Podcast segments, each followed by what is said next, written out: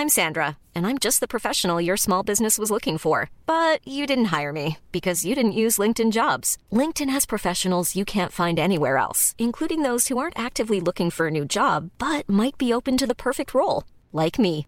In a given month, over 70% of LinkedIn users don't visit other leading job sites. So if you're not looking on LinkedIn, you'll miss out on great candidates like Sandra. Start hiring professionals like a professional. Post your free job on linkedin.com/people today. Hey, I'm Ryan Reynolds. Recently, I asked Mint Mobile's legal team if big wireless companies are allowed to raise prices due to inflation. They said yes. And then when I asked if raising prices technically violates those onerous two-year contracts, they said, "What the f*** are you talking about? You insane Hollywood ass." So to recap, we're cutting the price of Mint Unlimited from $30 a month to just $15 a month. Give it a try at mintmobile.com slash switch. $45 upfront for three months plus taxes and fees. Promo rate for new customers for limited time. Unlimited more than 40 gigabytes per month. Slows. Full terms at mintmobile.com.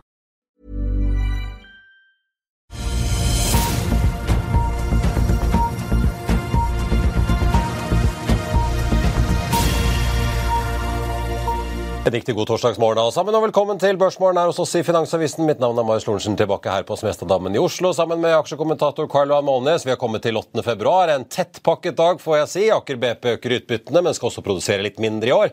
XXL vil ut av Danmark. Shelf Drilling annonserer at finansdirektøren skal rykke opp som toppsjef, mens dagens sjef altså blir styreleder. Nell varsler om at de har blitt saksøkt i USA i Watani Corporation for et uspesifisert beløp etter leveranser av fylleutstyr. Og Equinor har altså lagt bak seg sitt verste børsfall siden starten av pandemien. Og I denne sendingen så skal du få høre mer om Equinor. Vi gikk nemlig i dybden med fornybarsjefen Pål Eitreim. Og vi skal også snakke om et selskap eh, som er ute og henter penger. Styrelederen i Norsk Titanium, Jon Andersen, er med oss og skal fortelle om da en transaksjon der både tegningsretter og warrants er i spill for de som er investert i aksjen. På kalenderen i dag så får vi KPI-tall fra Kina, vi får masse kvartalsrapporter uten, utenlandsk også. Mersk er ute med et kraftig resultatfall. L'Oreal AstraZeneca kommer også med tall, og vi har også eh, tall da fra selskaper som XXL, Orkla, Høg Autoliner, Selkem, Gram Car Carrier, Okea, Axo, Axolutions og mange, mange flere. Hovedveksten er ventet opp 0,2% fra starten av DNB Markets. Vi så jo da et fall på 2 i går etter Equinor-fallet, altså, som er det største vi har sett da siden mars 2020. Den aksjen endte ned 7,76% til 284,60. 70 milliarder kroner forsvant i børsverdier. Telenor steg drøye halvannen prosenten på sine tall. Storebrand falt snaue fire. REC falt 25% på det verste i går, etter meldingen om at fabrikken i Butte, Montana altså skal stenges ned grunnet dyr strøm i den regionen av USA. Aker BP ned 2,1% i forkant av sin rapport. Vi så ellers en ganske pen oppgang på Wall Street, men Nasdaq i tet med en oppgang på nesten prosenten. I dag så har vi sett stort sett de fleste indeksene i Asia falle, med unntak av Nikkei i Tokyo, som er oppe et par prosent. Oljeprisen har også hentet seg noe opp og begynner å snuse på 80 dollar fatet igjen. 79. 46 ligger vi på i spotmarkedet nå. God morgen, Karl-Han. Hyggelig å se deg igjen fysisk, holdt jeg på å si. Vi har hatt en hektisk reiseuke, men det er en hektisk kvartalsdag i dag også. Skal vi begynne med disse oljeselskapene? Du har tittet inn i Bloomberg-terminalen, for ting har allerede begynt å skje med Equinor etter gårsdagens kapitalmarkedsdag? Ja, altså vi, vi, vi alle har visst at estimatene har vært for høye på gass. da, og, Men så er jo det sånn at analytikerne venter jo gjerne til at det er en kapitalmarkedsdag. og så Dagen etter kommer estimatene ut. da, og Den første mannen ut, det er én mann som har kommet med nye estimater. Werner Eisenmann fra DC Bank, sikkert eh, tysk. og Han tar ned inntektene eh, for 2024 da, med 21 milliarder dollar til 92 milliarder. Ja. Og tar ned også med 12 milliarder dollar for 2025 til 91 milliarder. Og Det er klart, det er jo, sånn, det er veldig høy skatt, dette. her, så Det er jo, det er jo staten som har mye av eh, prisrisikoen på olje. så det er jo, Staten bør jo også legge merke til at estimatene kommer ned. Konsensus har lagt på 102,5, og nå kommer alle til å ta ned negrene. Og Det er jo liksom den store saken her. og Når det kommer i modellene, så kommer også eh, alle de som handler på, på estimater i FactSet, og da kommer alle algoritmehandlerne også etter. da, Så du får momentum ned. Og Det er litt dette her som eh, Olaisen så veldig elegant formulerte veldig klart på avslutningen av Økonominyhetene i går, at eh, I, I, Equinor så uh, senker de ikke fornybarbudsjettet sitt, de tar ned utbyttet. Selv om utbyttet er høyt, så går utbyttet nedover i tre år. Nå, men, men, det som heng, har hengt over, er jo at alle har visst at disse estimatene skal komme ned, og nå kommer de altså sterkt ned. Og nå kommer det. Ja. Det blir i hvert fall utbytte, da, i motsetning til Ørsted, som tar en dividend holiday. Den var det mange som ja. merket seg i går. Det var han, kreativ semantikk. Han sa også det at og Aker BP kommer med tall i morgen, og de kommer til å øke utbyttet. Det har de gjort. og de, de tallene har du sett på. Og det har de gjort. Eh, ja, for Vi kommer jo litt tilbake til fornybarproblemene til Equinor. Det virker jo ikke som de klarer å overtale markedet om at de skal prioritere avkastning over uh, volum, men vi får nå se. Vi snakket med Aker BP-ledelsen i morgentimene i dag, for de tar jo øker utbyttet med 9 uh, De har jo satt 5% som en sånn minstestandard. De guider jo litt ned på produksjonen. da, 2024 blir et sånt midlertidig, nei, 2023 blir et sånt midlertidig toppår før de igjen skal øke når de får på plass Yggdrasil-felten og en del av disse andre mm, prosjektene som kommer under eh, oljeskattepakken. De endte jo på rundt 460 000 fat i året som har gått da, og ned nå til kanskje rundt mellom 410 og 440. Produksjonskosten tikker også da litt opp rett og slett pga. matematikken der. Så ser vi også at samtidig som de øker utbyttene, så øker også investeringsnivået. De hadde jo Capex i fjor på 3-3,5 milliarder dollar i guidingen sin, øker nå til 5 i år. Så nå begynner jo de store, tunge løftene å komme for en del av disse utbyggingene, som jo renner ned på Aker BP bl.a. Så får vi se. Men eh, jeg spurte jo finansdirektøren hvor mye de har å gå på eh, fremover. Da, for de har jo veldig store investeringsutgifter, samtidig som de lover stadig økt utbytte, men eh, de pekte på at eh, gode olje- og gasspriser i fjor, selv om de var ned fra 22, bidro til å bygge opp eh, balansen ytterligere. Så det er vel ikke noe store behov for å trekke kredittkortet sånn umiddelbart, i hvert fall. Men vi får se hvordan kursen reagerer. Ja, ja. Men det, det, er klart Equinor kommer til å falle på, fortsette å falle på disse endringene i estimatene på, på salget. Men eh, er guidingsnedgangen fra Aker BP så stor at det ødelegger for å switche over til Aker BP? Eller skal man switche over til andre sektorer? Er det, er det så stor nedgang at dette her er Så Du får jo mer utbytte. Produksjonskosten ja. som de guider på, ja den er opp fra i fjor, ja. men den er fortsatt uh, under det de opprinnelig guidet for i fjor. Fordi at uh, de klarte å forbedre driften og fikk litt uh, heldige utfall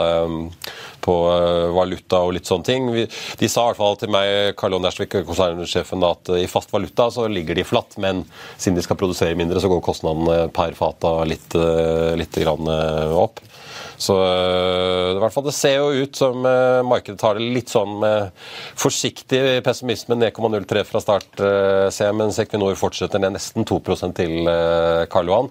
Irene Romeloff, konserndirektøren for trading og som ansvarer for gassalget bl.a., sa jo rett ut i plenum at gasstoryen for i år den er borte, for at vi har to veldig milde vintre i Europa som ikke har lagt et så stort press på gassmarkedet som man kanskje kunne fryktet da, på det verste. Og for mange utlendinger så blir jo Equinor en, eh, en slags sånn, det blir jo en gasstory hvor du eksponerer deg mot europeiske gasspriser. Er du interessert i oljemarkedet, så kan du jo kjøpe Exxon og Chevron og Eni og Shell. Og veldig, da har du veldig mange flere valg, da.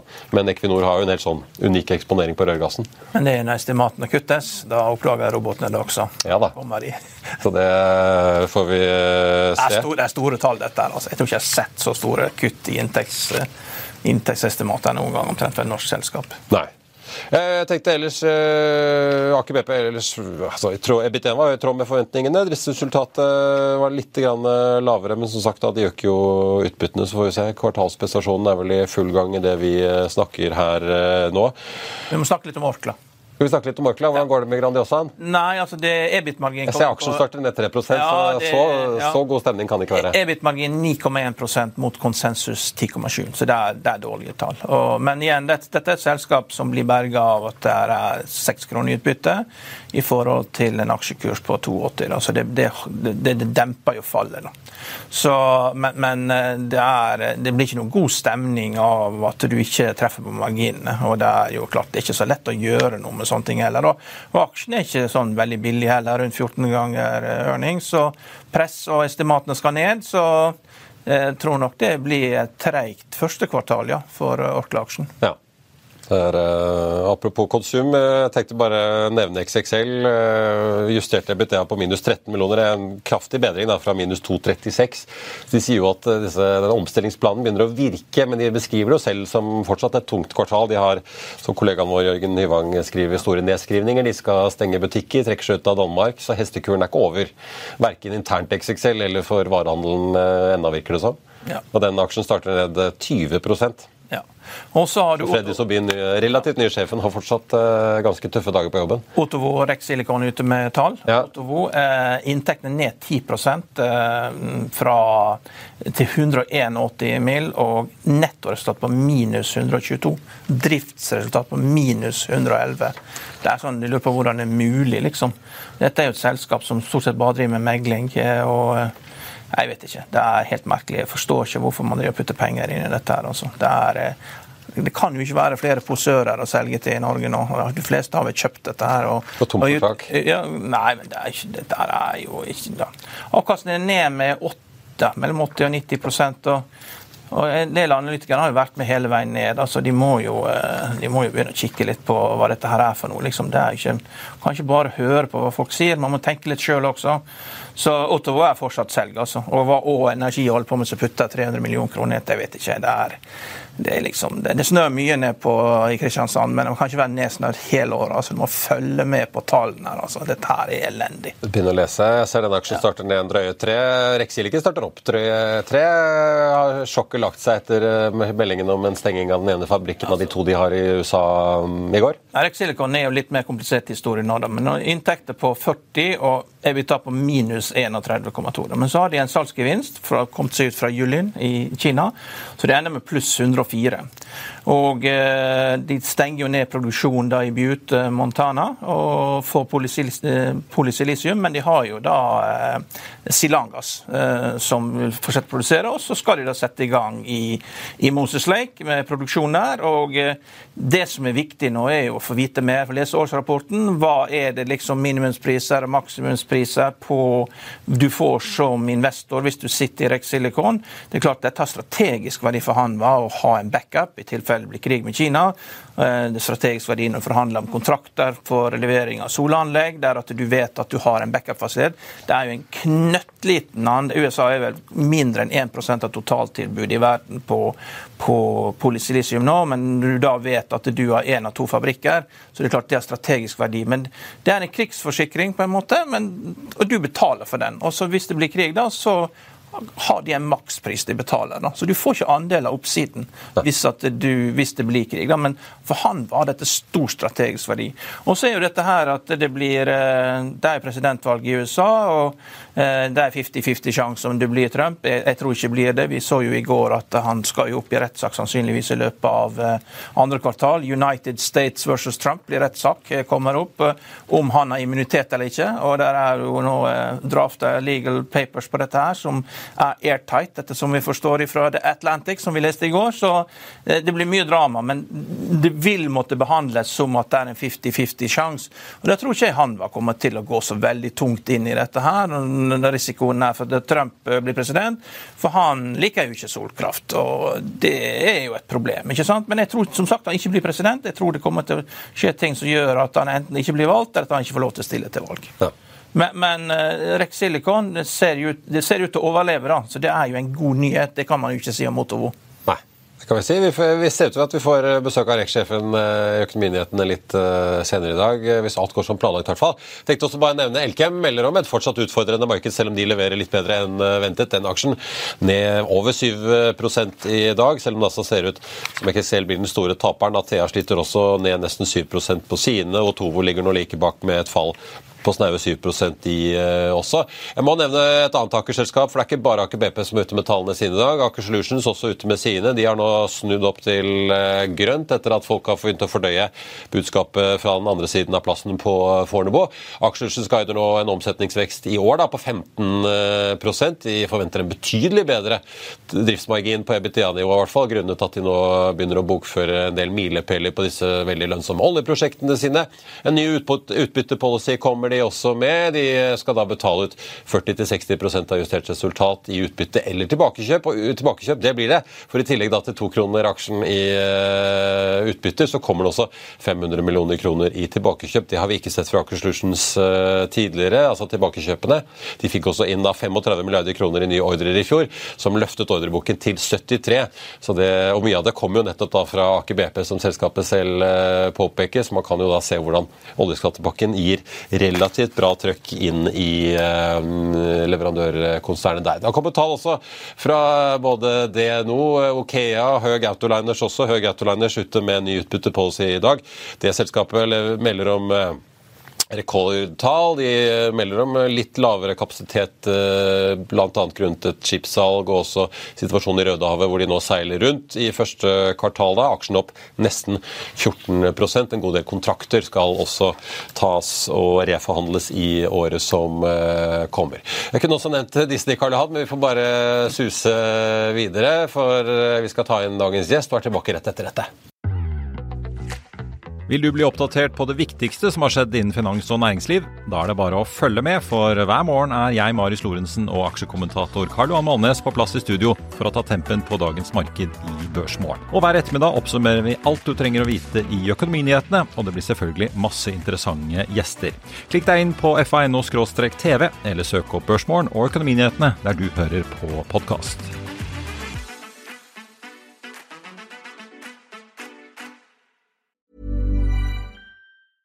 Ryan Reynolds here from Mint Mobile. With the price of just about everything going up during inflation, we thought we'd bring our prices down.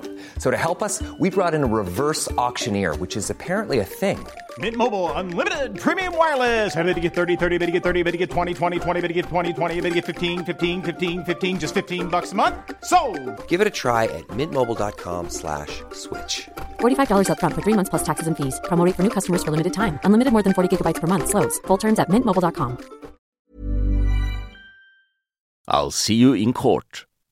Vi sier det ofte litt på spøk, men for deg som driver business, er det aldri moro å innse at du ikke har laget en 100% gyldig kontrakt.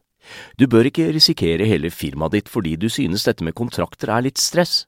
En avtale er ikke en avtale. Du kan miste kunder, miste venner, ja, til og med miste inntekter om du ikke lager en skikkelig kontrakt, på alt mulig, egentlig. Men vi vet det er et styr. Kopimaskiner, tregprinter og haugevis av papir. Dessuten stoler vi jo på folk her i landet. Det er ofte litt kleint å skulle be om en signatur for alt mulig, ja, for mye av styret handler også om jakten på underskriften. Det finnes en enkel måte å løse dette på, Dukkobit, en trygg, effektiv og get this, gratis måte å sikre seg en god natts søvn pluss en juridisk bindende avtale. Dukkobit-appen har de strengeste sikkerhetskrav i bunn, samt en EU-godkjent og sertifisert teknologi. Framover vil det bli behagelig å spørre du, skal vi skrive under på det, eller? Kom i gang på dukkobit.no. Velkommen tilbake. Hovedindeksen på Oslo Børs ned 0,3% fra start. Tynges jo da av Equinor, som er ned over 2 til etter katastrofedagen i går. Oljeprisen som jeg nevnte snuser på 80 dollar fatet. Vi skal til dagens uh, første gjest, får jeg si, som er styreleder i et selskap som både har nederlandske ASML på kundelisten, Airbus har de også, og som er ute og vil hente penger som de mener skal få dem over kneika for å bli selvfinansierende. Litt tabloid sagt, i hvert fall. Jon Andersen, velkommen til oss. Takk for det. Vi begynner først med Norsk Titanium. Hva driver dere med? Ja, enkelt sagt så jo, har jo selskapet utviklet en 3D-printteknologi. Vi printer, produserer eh, komponenter i titan først og fremst. Og som du er inne på, det er jo for flyindustri, avanserte uh, industrielle brukere. Men produksjon av titankomponenter, enkelt sagt. Men dere lager ikke selve pulveret, det er selve 3D-printmaskinen, da? Ja, det er det første, da. Det er Ja. ikke pulverbasert. Okay. Det er basert på tråd, det er veldig viktig. eh, Og det gjør at vi kan printe de mest krevende komponentene. Vi kan printe komponenter som har samme kvalitet som smidde produkter. Og det gjør at vi kan gå etter de anvendelsene som krever absolutt høyest styrke. Vi har utviklet prosessen, vi har utviklet maskinene, men det vi leverer til kunder, det er komponenter. Så ikke tråden? Ikke tråden. Nei. Men dere produserer ikke heller disse komponentene selv? Dere selger maskinen Nei, ferdig? vi gjør ikke det. Vi Nei. har et eh, stort produksjonsanlegg i USA eh, som vi har bygget i tett samarbeid med New York State. eh, Og der har vi installert egenutviklede maskiner, egenutviklet software. Og det vi leverer til kunden, er en printet komponent. Ferdig, ja. Ja. Som, som da skal gjøre noe finmaskinering. Men, men det er en veldig viktig forskjell på vår forretningsmodell og andre 3D-printselskaper. De selger ofte en maskin, og så er det opp til kunden å finne ut av hvordan den skal brukes, hva slags kvalitet man skal klare å få. Det er veldig forskjellig. Det hadde ikke fungert i flyindustrien. Nei, altså selvfølgelig avgjørende også for kapitalbehov, for da må dere jo sitte og eie og finansiere opp disse maskinene. og Det blir jo en annen struktur enn noen som bare selger en maskin ferdig ut døren. Det er jeg enig i. Ja. Eh, Og så er det den, eh, den kommentaren å gi at eh, det anlegget i USA det er jo et anlegg som vi har bygget i samarbeid med New York State. Eh, Og for å si det rett ut, New York State har jo bygd det anlegget, finansiert det anlegget, og vi leaser det for en dollar i året. Så den kapitalen bærer ikke vi på vår balanse. Nei. Har dere konkurrenter? Per i dag så er det ingen andre selskaper som har kvalifisert sine 3D-printede strukturelle komponenter for flyindustrien. Det vi konkurrerer med, er tradisjonelle smidde produkter. Så det er vår konkurranse i dag. Men det vi tilbyr, er jo 40-50% lavere pris, eh, 75% mindre energiforbruk, 90% kortere ledetid i leveransene. Og med de utfordringene flyindustrien har på flere områder, så er jo dette hva skal jeg si, dette er jo noe de er veldig interessert i. Hvordan kan de få ned kost, hvordan kan de få ned ledetid, eh, og samtidig beholde kvaliteten på komponentene. Ja, Du kan jo printe helt andre typer produkter enn du kan på tradisjonell produksjonsmåte også, men så har jo ofte utfordringen vært skala. Altså det å lage Ja. nok, da. Men det er kanskje ikke et så stort problem hvis du skal levere et og annet komponent til ASML f.eks. eller Airbus. Det er ikke de enorme volumene sånn, så, som sådan, eller? Ja, du er jo inne på noe da, Marius. Altså, eh, tradisjonelt har jo 3D-printing vært sett nesten på, på som en sånn prototype maskin, maskineri. Eh, våre 3D-printere er utviklet for å kunne gjøre dette i industriell skala. Det anlegget vi har i USA, har kapasitet til å levere komponenter til en verdi av la oss si 300 millioner dollar i året. Da. Så dette, dette er industriskalaproduksjon. Vi skal levere i industriskala til den, de, de forsyningskjedene som ja, først og fremst da Boeing, Airbus, ASML og andre representerer. Og ingen militære kunder. Jo, det er noe av det som har eh, skapt fornyet interesse for selskapet nå. Før jul så, så annonserte vi at både i forhold til Northrop Grumman, både i forhold til General Atomics og den type eh, aktører innenfor forsvarssektoren, eh, så tar de nå også i bruk denne teknologien. Ofte på Ofte i anvendelser som ligner på tradisjonell flyindustri. Det er mye flyindustri innenfor forsvarssektoren også. eh, Og der er vi etter hvert kvalifisert leverandør. Hadde det gått an, går det an å bruke maskiner til å lage droner, f.eks.? Eh, Vi, vi, lager, eh, vi lager komponenter til droner. Ja. Komponenter til militære fly, fly komponenter til, til militært utstyr generelt. Vi snakker litt, for Dere er jo som jeg nevnte tidligere ute og skal hente penger. Dere kommer jo på børs i 2021. eh, Som så mange andre som kommer på børs rundt den tiden, så har det vært en eh, krevende reise for de som har vært med siden den gangen. For dere vel inn på 10,50-kurs. Det er riktig. Ja, Og nå skal det hente penger på 82 øre. Ja. Nei, nei, det er helt riktig. Altså, vi, vi kom på børs i, i, i 2021, som du sier. På det tidspunkt så var jo markedet ganske mottakelig for denne type selskaper som var i en tidlig fase. Vi hentet i forbindelse med børsintroduksjonen ca. halvparten av den kapitalen vi da sa vi trengte. Ja. Så det vi gjør nå er ikke fundamentalt forskjellig fra det vi sa den gang. Eh, Vårt syn på selskapet er ikke fundamentalt forskjellig heller da, i forhold til hvordan markedet var da, da, da de priset selskapet til 10,50, men markedet er noe annerledes, kapitalmarkedet. Eh, Utsiktene for selskapet industrielt er ganske sammenfallende. Eh, Og det er viktig for oss når selskapet nå står foran et knekkpunkt industrielt, med Airbus, med Boeing, med ASML og andre, så er det viktig for oss å sikre viderefinansiering. Fordi dere, jeg tenkte Vi må gå litt gjennom den da, som ligger på bordet, for tegningen er jo i gang og skal løpe nå utover til 20. februar ved børsslutt. Eh, I første omgang i hvert fall skal dere hente 21 millioner eh, omtrent. eh, Dollar. dollar ja. Fordi dere brenner, skriver dere jo selv rundt to i måneden. Så Ja. det isolert sett kjøper dere jo en ti måneder. Og så skal jo hele den transaksjonen kanskje da gjøre at dere blir cash break even. Eh, Men kan vi bare først begynne med hva er det dere skal hente penger for nå? Er det et konkret prosjekt, eller er det bare å finansiere opp eh, til dere får større salgsinntekter? Nei, det er egentlig det siste. Som jeg var inne på i sted. Vi har et produksjonsanlegg. Det er fullfinansiert, fullbygget. Det står klart. Eh, Men, men det å serve denne type kunder krever et ganske betydelig apparat. Så det er det å dekke dekke løpende kostnader til vi har tilstrekkelige inntekter til å gå, gå i balanse først, og så skape marginer. Ja. Det, er, det, er, det er user proceeds, for å si det sånn. Fordi det er jo Vi kan komme til det senere, men altså det er jo en garantert opp en god del her, rundt 70% vel. Og så er det jo sånn at man får jo eh, en 1,01 da tegningsrett per aksje man sitter på per 9. Og så I tillegg for det så får man også da warrants eh, på toppen av det. Man får da, For hver to aksjer som har blitt tildelt emisjonen, så får man én warrant som kan gi én aksje. Til da en kurs 30% over emisjonskursen på 82 øre. Det er riktig. Ja. Og den når, ok, Så da får man noen tegningsretter nå. Ja. De kan omsettes på børs hvis man De, ikke ønsker å delta? de eller? tegningsrettene blir omsettelige, og så kommer det to vinduer. da. Ja. Ett et i mai, og, og, og, eh, det er, unnskyld, ett i juni og, og en i november. Ja, og det, November det er siste frist for å bruke de warrantsene. Det er riktig. Hvis man vil benytte de hvis Det det, er lønner seg. Ja. Det er riktig. Så, så tanken her har jo vært å gi et ordentlig insentiv til eksisterende aksjonærer for å være med å løfte. Eh, Dette selskapet har jo lenge basert seg på eh, finansiering fra hovedaksjonærene, uh, Scatec Innovation inkludert, som jeg jo representerer til daglig. Eh, nå var det viktig for oss å insentivere alle aksjonærene til å være med. Dette er en, dette er en tegningsrettsemisjon. Eh, Det er en emisjon som, som gir eh, hva skal jeg si, betydelige fordeler til de som er med. Det er ikke alltid vi ser det heller. Ofte er det rettete emisjoner. Ja. Ja, nei, jeg synes jo Vi skal være enige om at markedsstandarden må være at alle får muligheten.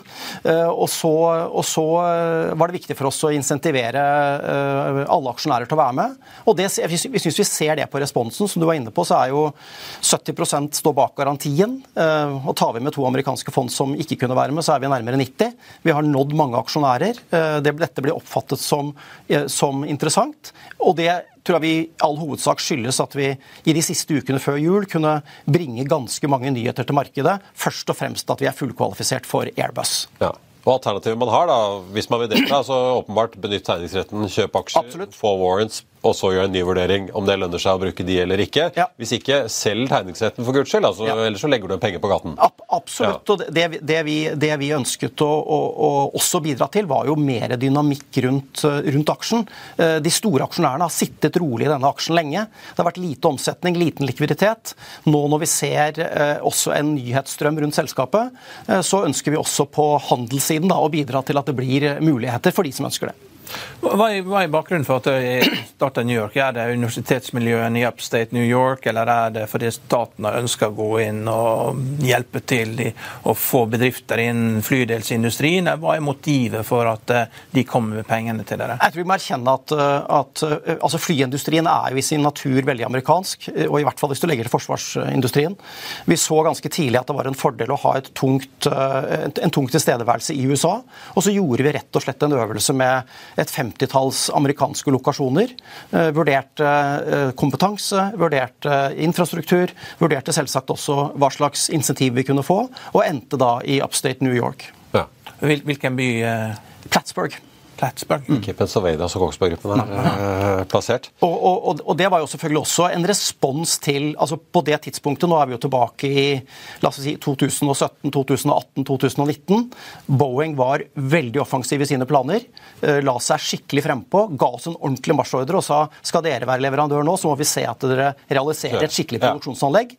Det gjorde vi i samarbeid med New York State, som ønsket det samme. De ville jo tiltrekke seg denne type arbeidsplasser. Det er jo kompetansearbeidsplasser. ikke sant?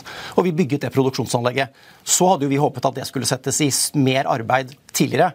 Men det var bakgrunnen for at vi er i New York State. Ja, men Merker dere krisen i Boeing vært... som er nå? liksom? Det er en ting er disse boltene nå, men de sliter jo med å sertifisere nye flymodeller. Nei, altså, vi, vi, vi, kan, vi, 777X, kan, vi kan ikke legge skjul på at vi gjerne skulle sett at Boeing var i en litt mer oversiktlig situasjon. Vi leverer ikke til 737, Nei. vi leverer til 787. Men allikevel så preger jo, preger jo uh, utfordringen i hele selskapet. Uh, vi noterer jo med glede at de har en ganske offensiv plan rundt eh, byggeraten for 787, som nå er på fem i måneden, og som de ønsker å pushe til ti. Det er gode nyheter for oss. Men det hadde vært fint å slippe de andre distraksjonene Hva leverer dere til 787? ulike strukturelle komponenter. altså Det er jo, det er jo en del av reisverket i fly, om du vil. Dette har jo å gjøre med overgangen til eh, kompositt.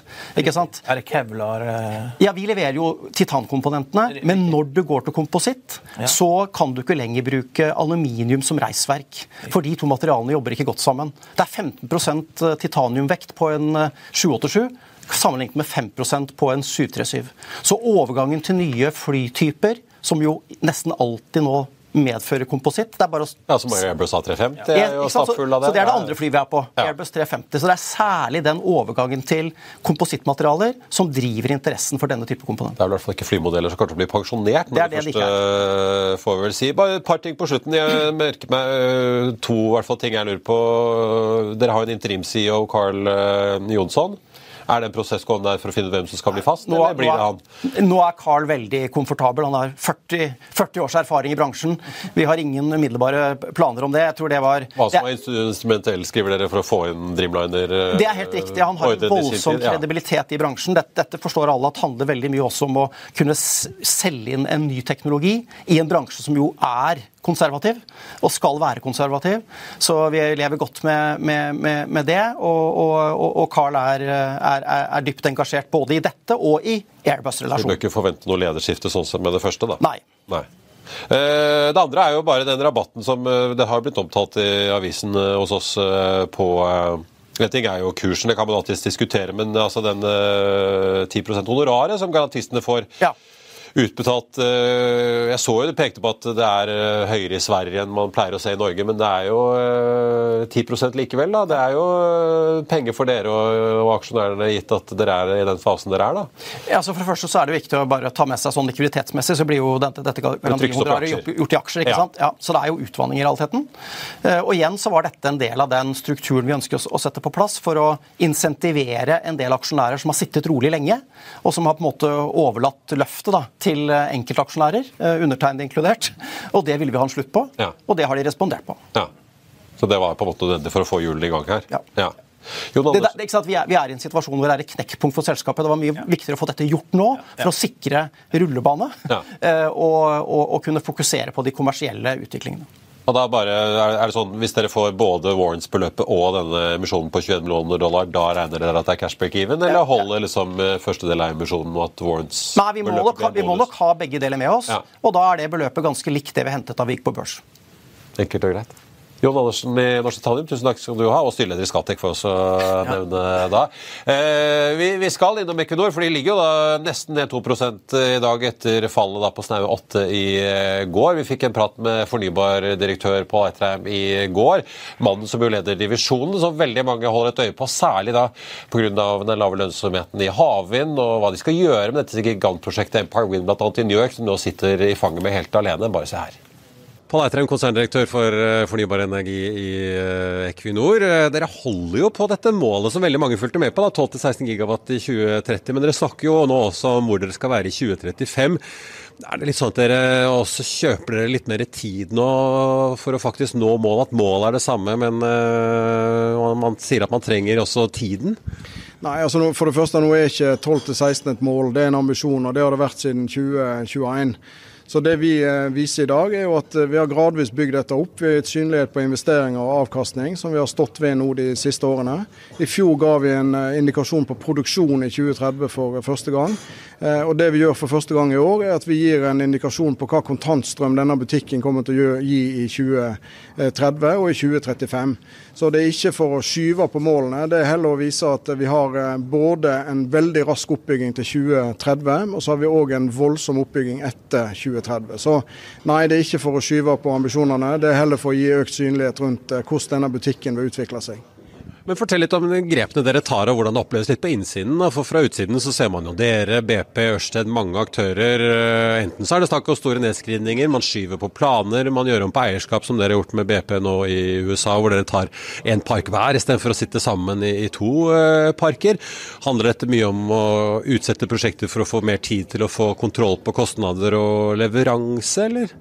Nei, Vi har jo sagt nå i lang tid at vi skal sette verdi over volum, og vi har lagt vekt på at vi skal være disiplinerte og levere lønnsom butikk.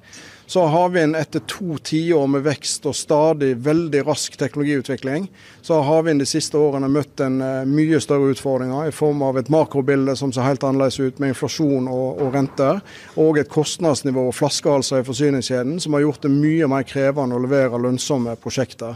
Og Det har ført til at i bransjen så har både på begge sider av Atlanteren så har prosjekter stoppa. Vi har tatt grep for å stoppe prosjekter som ikke har møtt våre krav, f.eks. Trollvind i, i Norge. Og så har vi nå eh, resatt USA-porteføljen vår. Vi så i 2023 at her begynte kostnadene å spise opp det kommersielle grunnlaget for prosjektene. Vi har terminert kontrakten for Empire 2 i forståelse med New Yorks myndigheter. Vi har inngått avtalen med BP. Så nå har vi, og vi har òg bekreftet at vi har levert et bud i New York på et prisnivå som vil bidra til å gjenoppbygge fundamental økonomi i Empire 1-prosjektet. Så jeg tror dette speiler de utfordringene som bransjen har hatt. Og det jeg syns vi har vist, og det vi skal snakke om i dag, er jo at vi eh, har tatt grep for å sørge for at vi har eh, en, eh, en god og robust butikk i bånn. Men Du nevnte jo kontantstrømmen. Dere skal bidra med 3 milliarder dollar i 2030, 6 milliarder i 2035. Si litt, hvor skal dette komme fra? Da? Er det også at kostnadsnivået må ned eh, fremover på disse utbyggingene for at dere skal klare å faktisk sitte igjen med penger som skal leveres inn til konsernet? konsernet? Vi er nødt til å øke, særlig innenfor havvind er vi nødt til å øke effektiviteten. og Jeg tror ikke vi kan satse på at teknologiutvikling skal redde oss med stadig større turbiner som bidrar til lavere kostnader. Som konsernsjefen var inne på i dag, så tror jeg den neste fasen kommer til å handle om eh, å øke effektiviteten i forsyningskjeden. Hente ut gevinster av standardisering og industrialisering. Og Det er jo den utfordringen som bransjen har framover nå. For nå har jo både utviklere og leverandører vært i en situasjon som ikke er kommersielt bærekraftig. Så vi har eh, gjort en del grep, men vi har fremdeles noen tøffe prioriteringer foran oss. Og Det som skal ta oss til de to milliardene vi har indikert i, i dag, det er en kombinasjon av havvindprosjekter i Storbritannia, i Polen og i USA. Eh, men i tillegg eh, leveranser fra disse nye plattformene på land, både i Brasil, Polen og, Danmark. Så jeg eh, har stor tro på at dette blir en stor og lønnsom butikk for Equinor i framtida. Så er det lett å bli litt fartsblind, fordi at når vi sammenligner alt med olje og gass, så blir alt annet smått. Men det er ikke så veldig mange selskaper som leverer to milliarder eh, etter skatt i resultat, så dette blir en betydelig eh, butikk. Si litt, eh, vi så nå Ørsted de sier at de skal trekke seg ut av Norge, Spania og Portugal. Kan Du si litt, du har jo tross alt en ganske bred portefølje, både av land og også teknologier som du kan uh, spille på. Er det noe dere si, vrir opp eller ned på, enten geografisk eller teknologimessig her, eller som dere kanskje vurderer? På dager som kapitalmarkedsdagen, så det dere ikke ser, er jo alle de beslutningene vi ikke tar. Eh, og dere ser eh, heller ikke alle de nei-ene vi har i løpet av en periode. Så vi har vært gjennom en prioriteringsøvelse. Eh, og vi, nåløyet hos oss har blitt trangere med den, de realitetene vi ser i industrien nå. Så vi har òg vært igjennom en ganske tøff omprioriteringsøvelse for å sikre at vi går inn i de beste prosjektene. Og i dag så legger vi fram en portefølje som viser at vi har et potensial som går utover de 12-16. Det er en ganske bra posisjon å være i, for det gjør at vi kan prioritere. Og Så er det òg en annen nyanse fra tidligere. og det er at det er mer eh, landressurser inne i den planen vi legger fram i dag, enn det det har vært tidligere. Og Det er fordi at i det korte bildet så ser vi eh, mer robust lønnsomhet innenfor Eh, batteri og eh, land, vind og sol på land enn vi ser i det korte bildet på havvind. Men vi har ikke endra vår langsiktige tro på at havvind blir en viktig del av energimiksen framover. Så det blir en bunnplanke i strategien òg i de neste årene. Si litt, altså nå, som jeg nevnte, Dere går jo foreløpig solo da på Empire i eh, USA. Sagt fra dere Beacon denne byttehandelen med BP. Men må dere få inn partnere der, eller er dette noe dere kan løfte frem på egen hånd? For dere snakker jo i meldingen om at nå kan dere egentlig prioritere som eh, hvert av selskapene selv ønsker best. Ja, dette gir jo både BP og Equinor eh, handlingsfrihet til å kunne levere på de strategiene som selskapene har. Eh, og så har vi vært tydelige i dag på at det er vår plan å ta inn en partner, eh, en eller flere partnere i eh, Empire 1. Det er ikke intensjonen å sitte med det prosjektet 100% gjennom levetida, men vi vil gjøre det på et riktig tidspunkt. Så vi er ikke desperate, og vi trenger ikke å gjøre noe fire sale på Empire for å gå videre med det. Så nå jobber vi videre med det prosjektet 100 Eh, vi har levert bud i New York vi, eh, på et nivå som vi mener vil kunne restaurere økonomien i, i eh, prosjektet. Og så skal vi gjøre de prosjektene så, så gode som, som mulig framover. Dere skal jo opp, altså, i hvert fall jeg regner på det, for korrigere meg hvis jeg tar feil, men altså, dere produserte jo på årsbasis da i fjerde kvartal snaue 3 TWh kraft. Mer, så kommer det da i tillegg 1,2 hvis man regner med gasskraft på lavkarbon. Opp i 80 TWh er jo det langsiktige målet her. Inntil halvparten av det fra lavkarbonløsninger, som jo din kollega Irene Romeloff eh, leder. Eh, mye der er jo CCS-basert med karbonfangst, vil jeg jo tro. Det er subsidiert i USA. I Europa så har vi et kvotesystem som kan drive det frem. Si litt om konkurransen internt for kapital her, da, fordi Dere går jo nå ut og sier at begge disse to segmentene, fornybar og lavkarbon, er ventet å levere mellom 4-8% realavkastning. Eh, men er det sånn at disse to utvikler seg jevnt, eller risikerer du at subsidier ved et kvotemarked eh, kan gjøre lavkarbon mer lønnsomt enn havvind og solpaneler? Nei, altså vi har veldig tro på at begge de segmentene vil, eh, vil vokse kraftig og på lønnsomme betingelser i årene som, som kommer. Og vi har jo en en klar ambisjon om å styrke lavkarbon eh, kraftproduksjon i forhold til naturgassbasert med, med CCS, i framtida hydrogen og potensielt ammoniakk. Eh, så det vi har sagt i dag, er at i 2035 over 65 TWh med, med fornybar kraftproduksjon. Eh, og så 15-40 TWh med lavkarbonproduksjon. Så jeg opplever vel heller at det er synergier mellom disse, snarere enn at de konkurrerer. For mange av de markedene som vi går inn i, går vi inn i sammen. Vi gjør det mot eh, kunder og motparter som vi har jobba med i snart 50 år.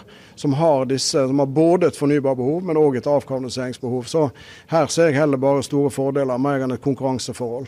Og så vil vi prioritere de eh, prosjektene som har eh, den beste lønnsomheten og de beste løsningene for Equinor. Til slutt, eh, Eitheim, Hvis man nå ser på disse havvindprosjektene, i hvert fall fra det jeg kan se, så er de som har blitt sanksjonert i bransjen nå, veldig mange av de er basert på leverandørkontrakter inngått da før inflasjonen virkelig traff og rentene steg. Når er det du tror vi vil se havvindprosjekter hos dere eller andre bli sanksjonert eh, med dagens kostnadsbilde og realitet? Eh, har vi på en måte kommet hit at leverandører og myndigheter og andre har fått såpass orden i saken at man kan planlegge og faktisk gjøre reelle beregninger og eventuelt gi grønt lys? Ja, en, en, del av de prosjektene som i det veldig korte bildet kommer nå, har jo ikke med seg hele effekten av den inflasjonen vi har vært igjennom. Det gjelder f.eks. Empire, der, eh, som er et av de modneste prosjektene på østkysten. Både fordi vi har jobba med, med myndighetsgodkjenninger i mer enn fire år, men vi har òg alle de sentrale eh, leverandørkontraktene på, eh, på, plass. Og Så begynner vi å se noen små tegn nå til at ting kanskje begynner å snu. Og Det handler om at myndigheter tilpasser seg. Vi har sett eh, Storbritannia komme med helt nye vilkår nå. Vi har sett New York hive seg rundt på en veldig veldig positiv måte. Eh, myndighetenes tilrettelegging for eh, havvind er et konkurransefortrinn. Og Utviklerne i en situasjon der vi må prioritere tøffere, eh, vil selvsagt se på vilkårene. Så ser vi utviklere med mer disiplin, som prioriterer tøffere, mindre aggressive konkurranser. Vi ser en forsyningskjede som, eh, som, ser litt mer sunn ut enn den gjorde for en tid tilbake. Og ikke minst så har jeg en forhåpning om at makrobildet både med renter og med inflasjon kan se eh, bedre ut enn det det har gjort bak oss. Så jeg tror at eh, havvind går inn i en Jeg tror det gradvis vil begynne å snu for havvind. Og havvind er en viktig del av energimiksen i mange av de landene med kystlinjer, fordi det leverer fornybar i skala som ingen andre er i stand til. Velkommen tilbake. Et par nyheter vi har fått underveis i sendingen. Denne er fra Wow, som melder om en ny cruisekontrakt. Den aksjen eh, har sust opp, ligger opp 4 eh, Og så har vi Cloudberry, fornybarselskapet, melder om endringer i ledelsen. Sjefen blir, men eh, det er en ny finansdirektør utpekt. Ole Kristoffer Bragnes kommer inn da som CFO, mens da Christian Helland fortsetter som kommersiell direktør. Og så får vi også bare ta med at de som fulgte med på Nordic Semi og det kraftige kursfallet de fikk etter sin eh, kvartalsrapport, eh, og med kutt i guidingen bl.a. De bør kanskje følge litt med på ARM, som jo designer en del brikker i, eh, også i halvlederindustrien. Den aksjen gikk som en kule i går. For det første steg den jo ganske mye rett og slett bare i forkant av kvartalsrapporten, men i etterhandelen steg den altså mellom 20 og 30% og aksjen ligger nå godt over børsnoteringskursen fra i fjor høst. En børsnotering veldig mange fulgte tett, for det var jo en slags sånn prøveballong i et ellers ganske tørt eh, noteringsmarked.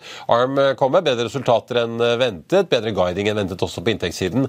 De guider av inntekter på mellom 850 og 900 millioner dollar i første kvartal.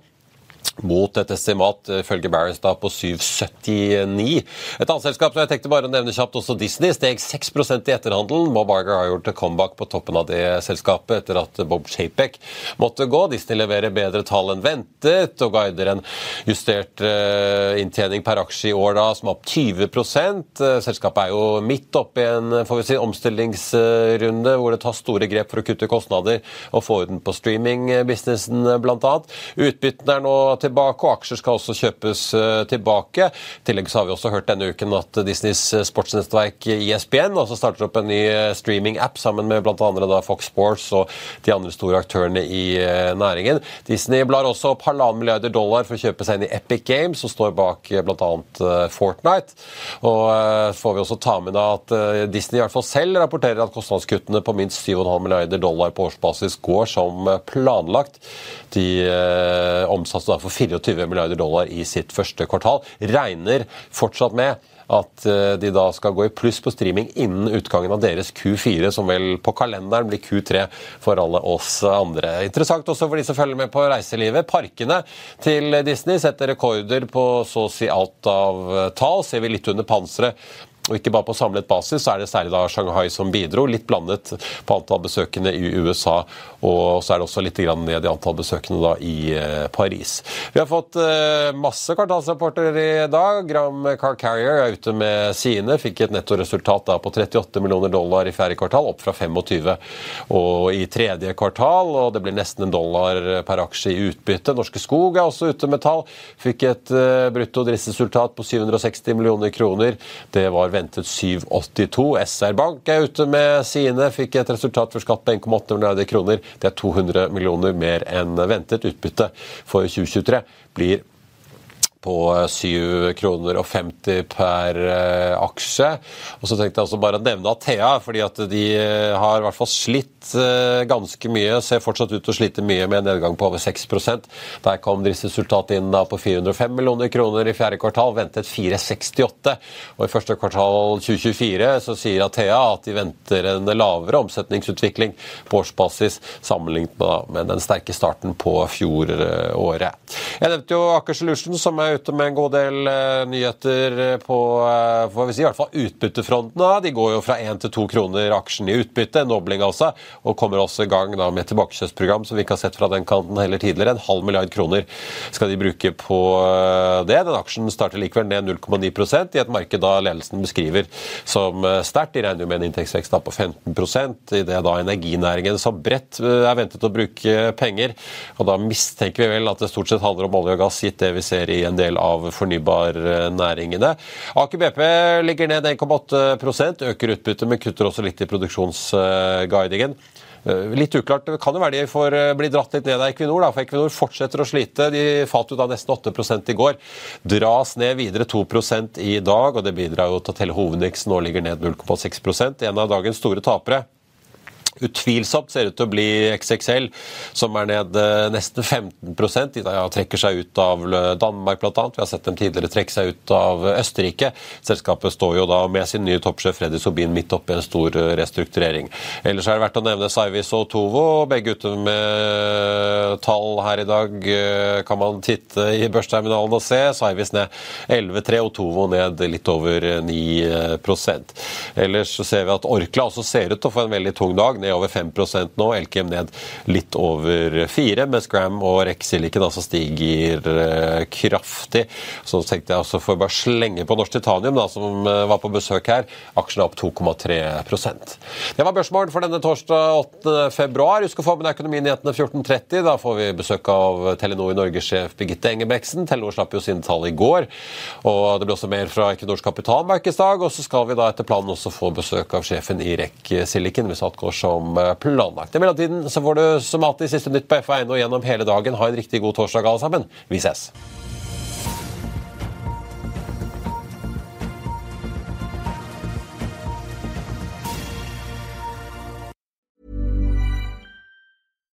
Hi, I'm Daniel, founder of Pretty Litter. Cats and cat owners deserve better than any old-fashioned litter. That's why I teamed up with scientists and veterinarians to create Pretty Litter. Its innovative crystal formula has superior odor control and weighs up to 80% less than clay litter.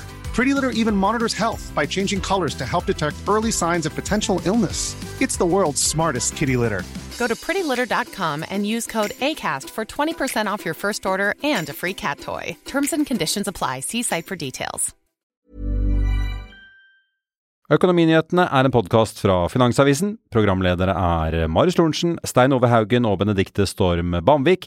Produsenter er Lars Brenden Skram og Bashar Johar. Og ansvarlig redaktør er Trygve Hegnar.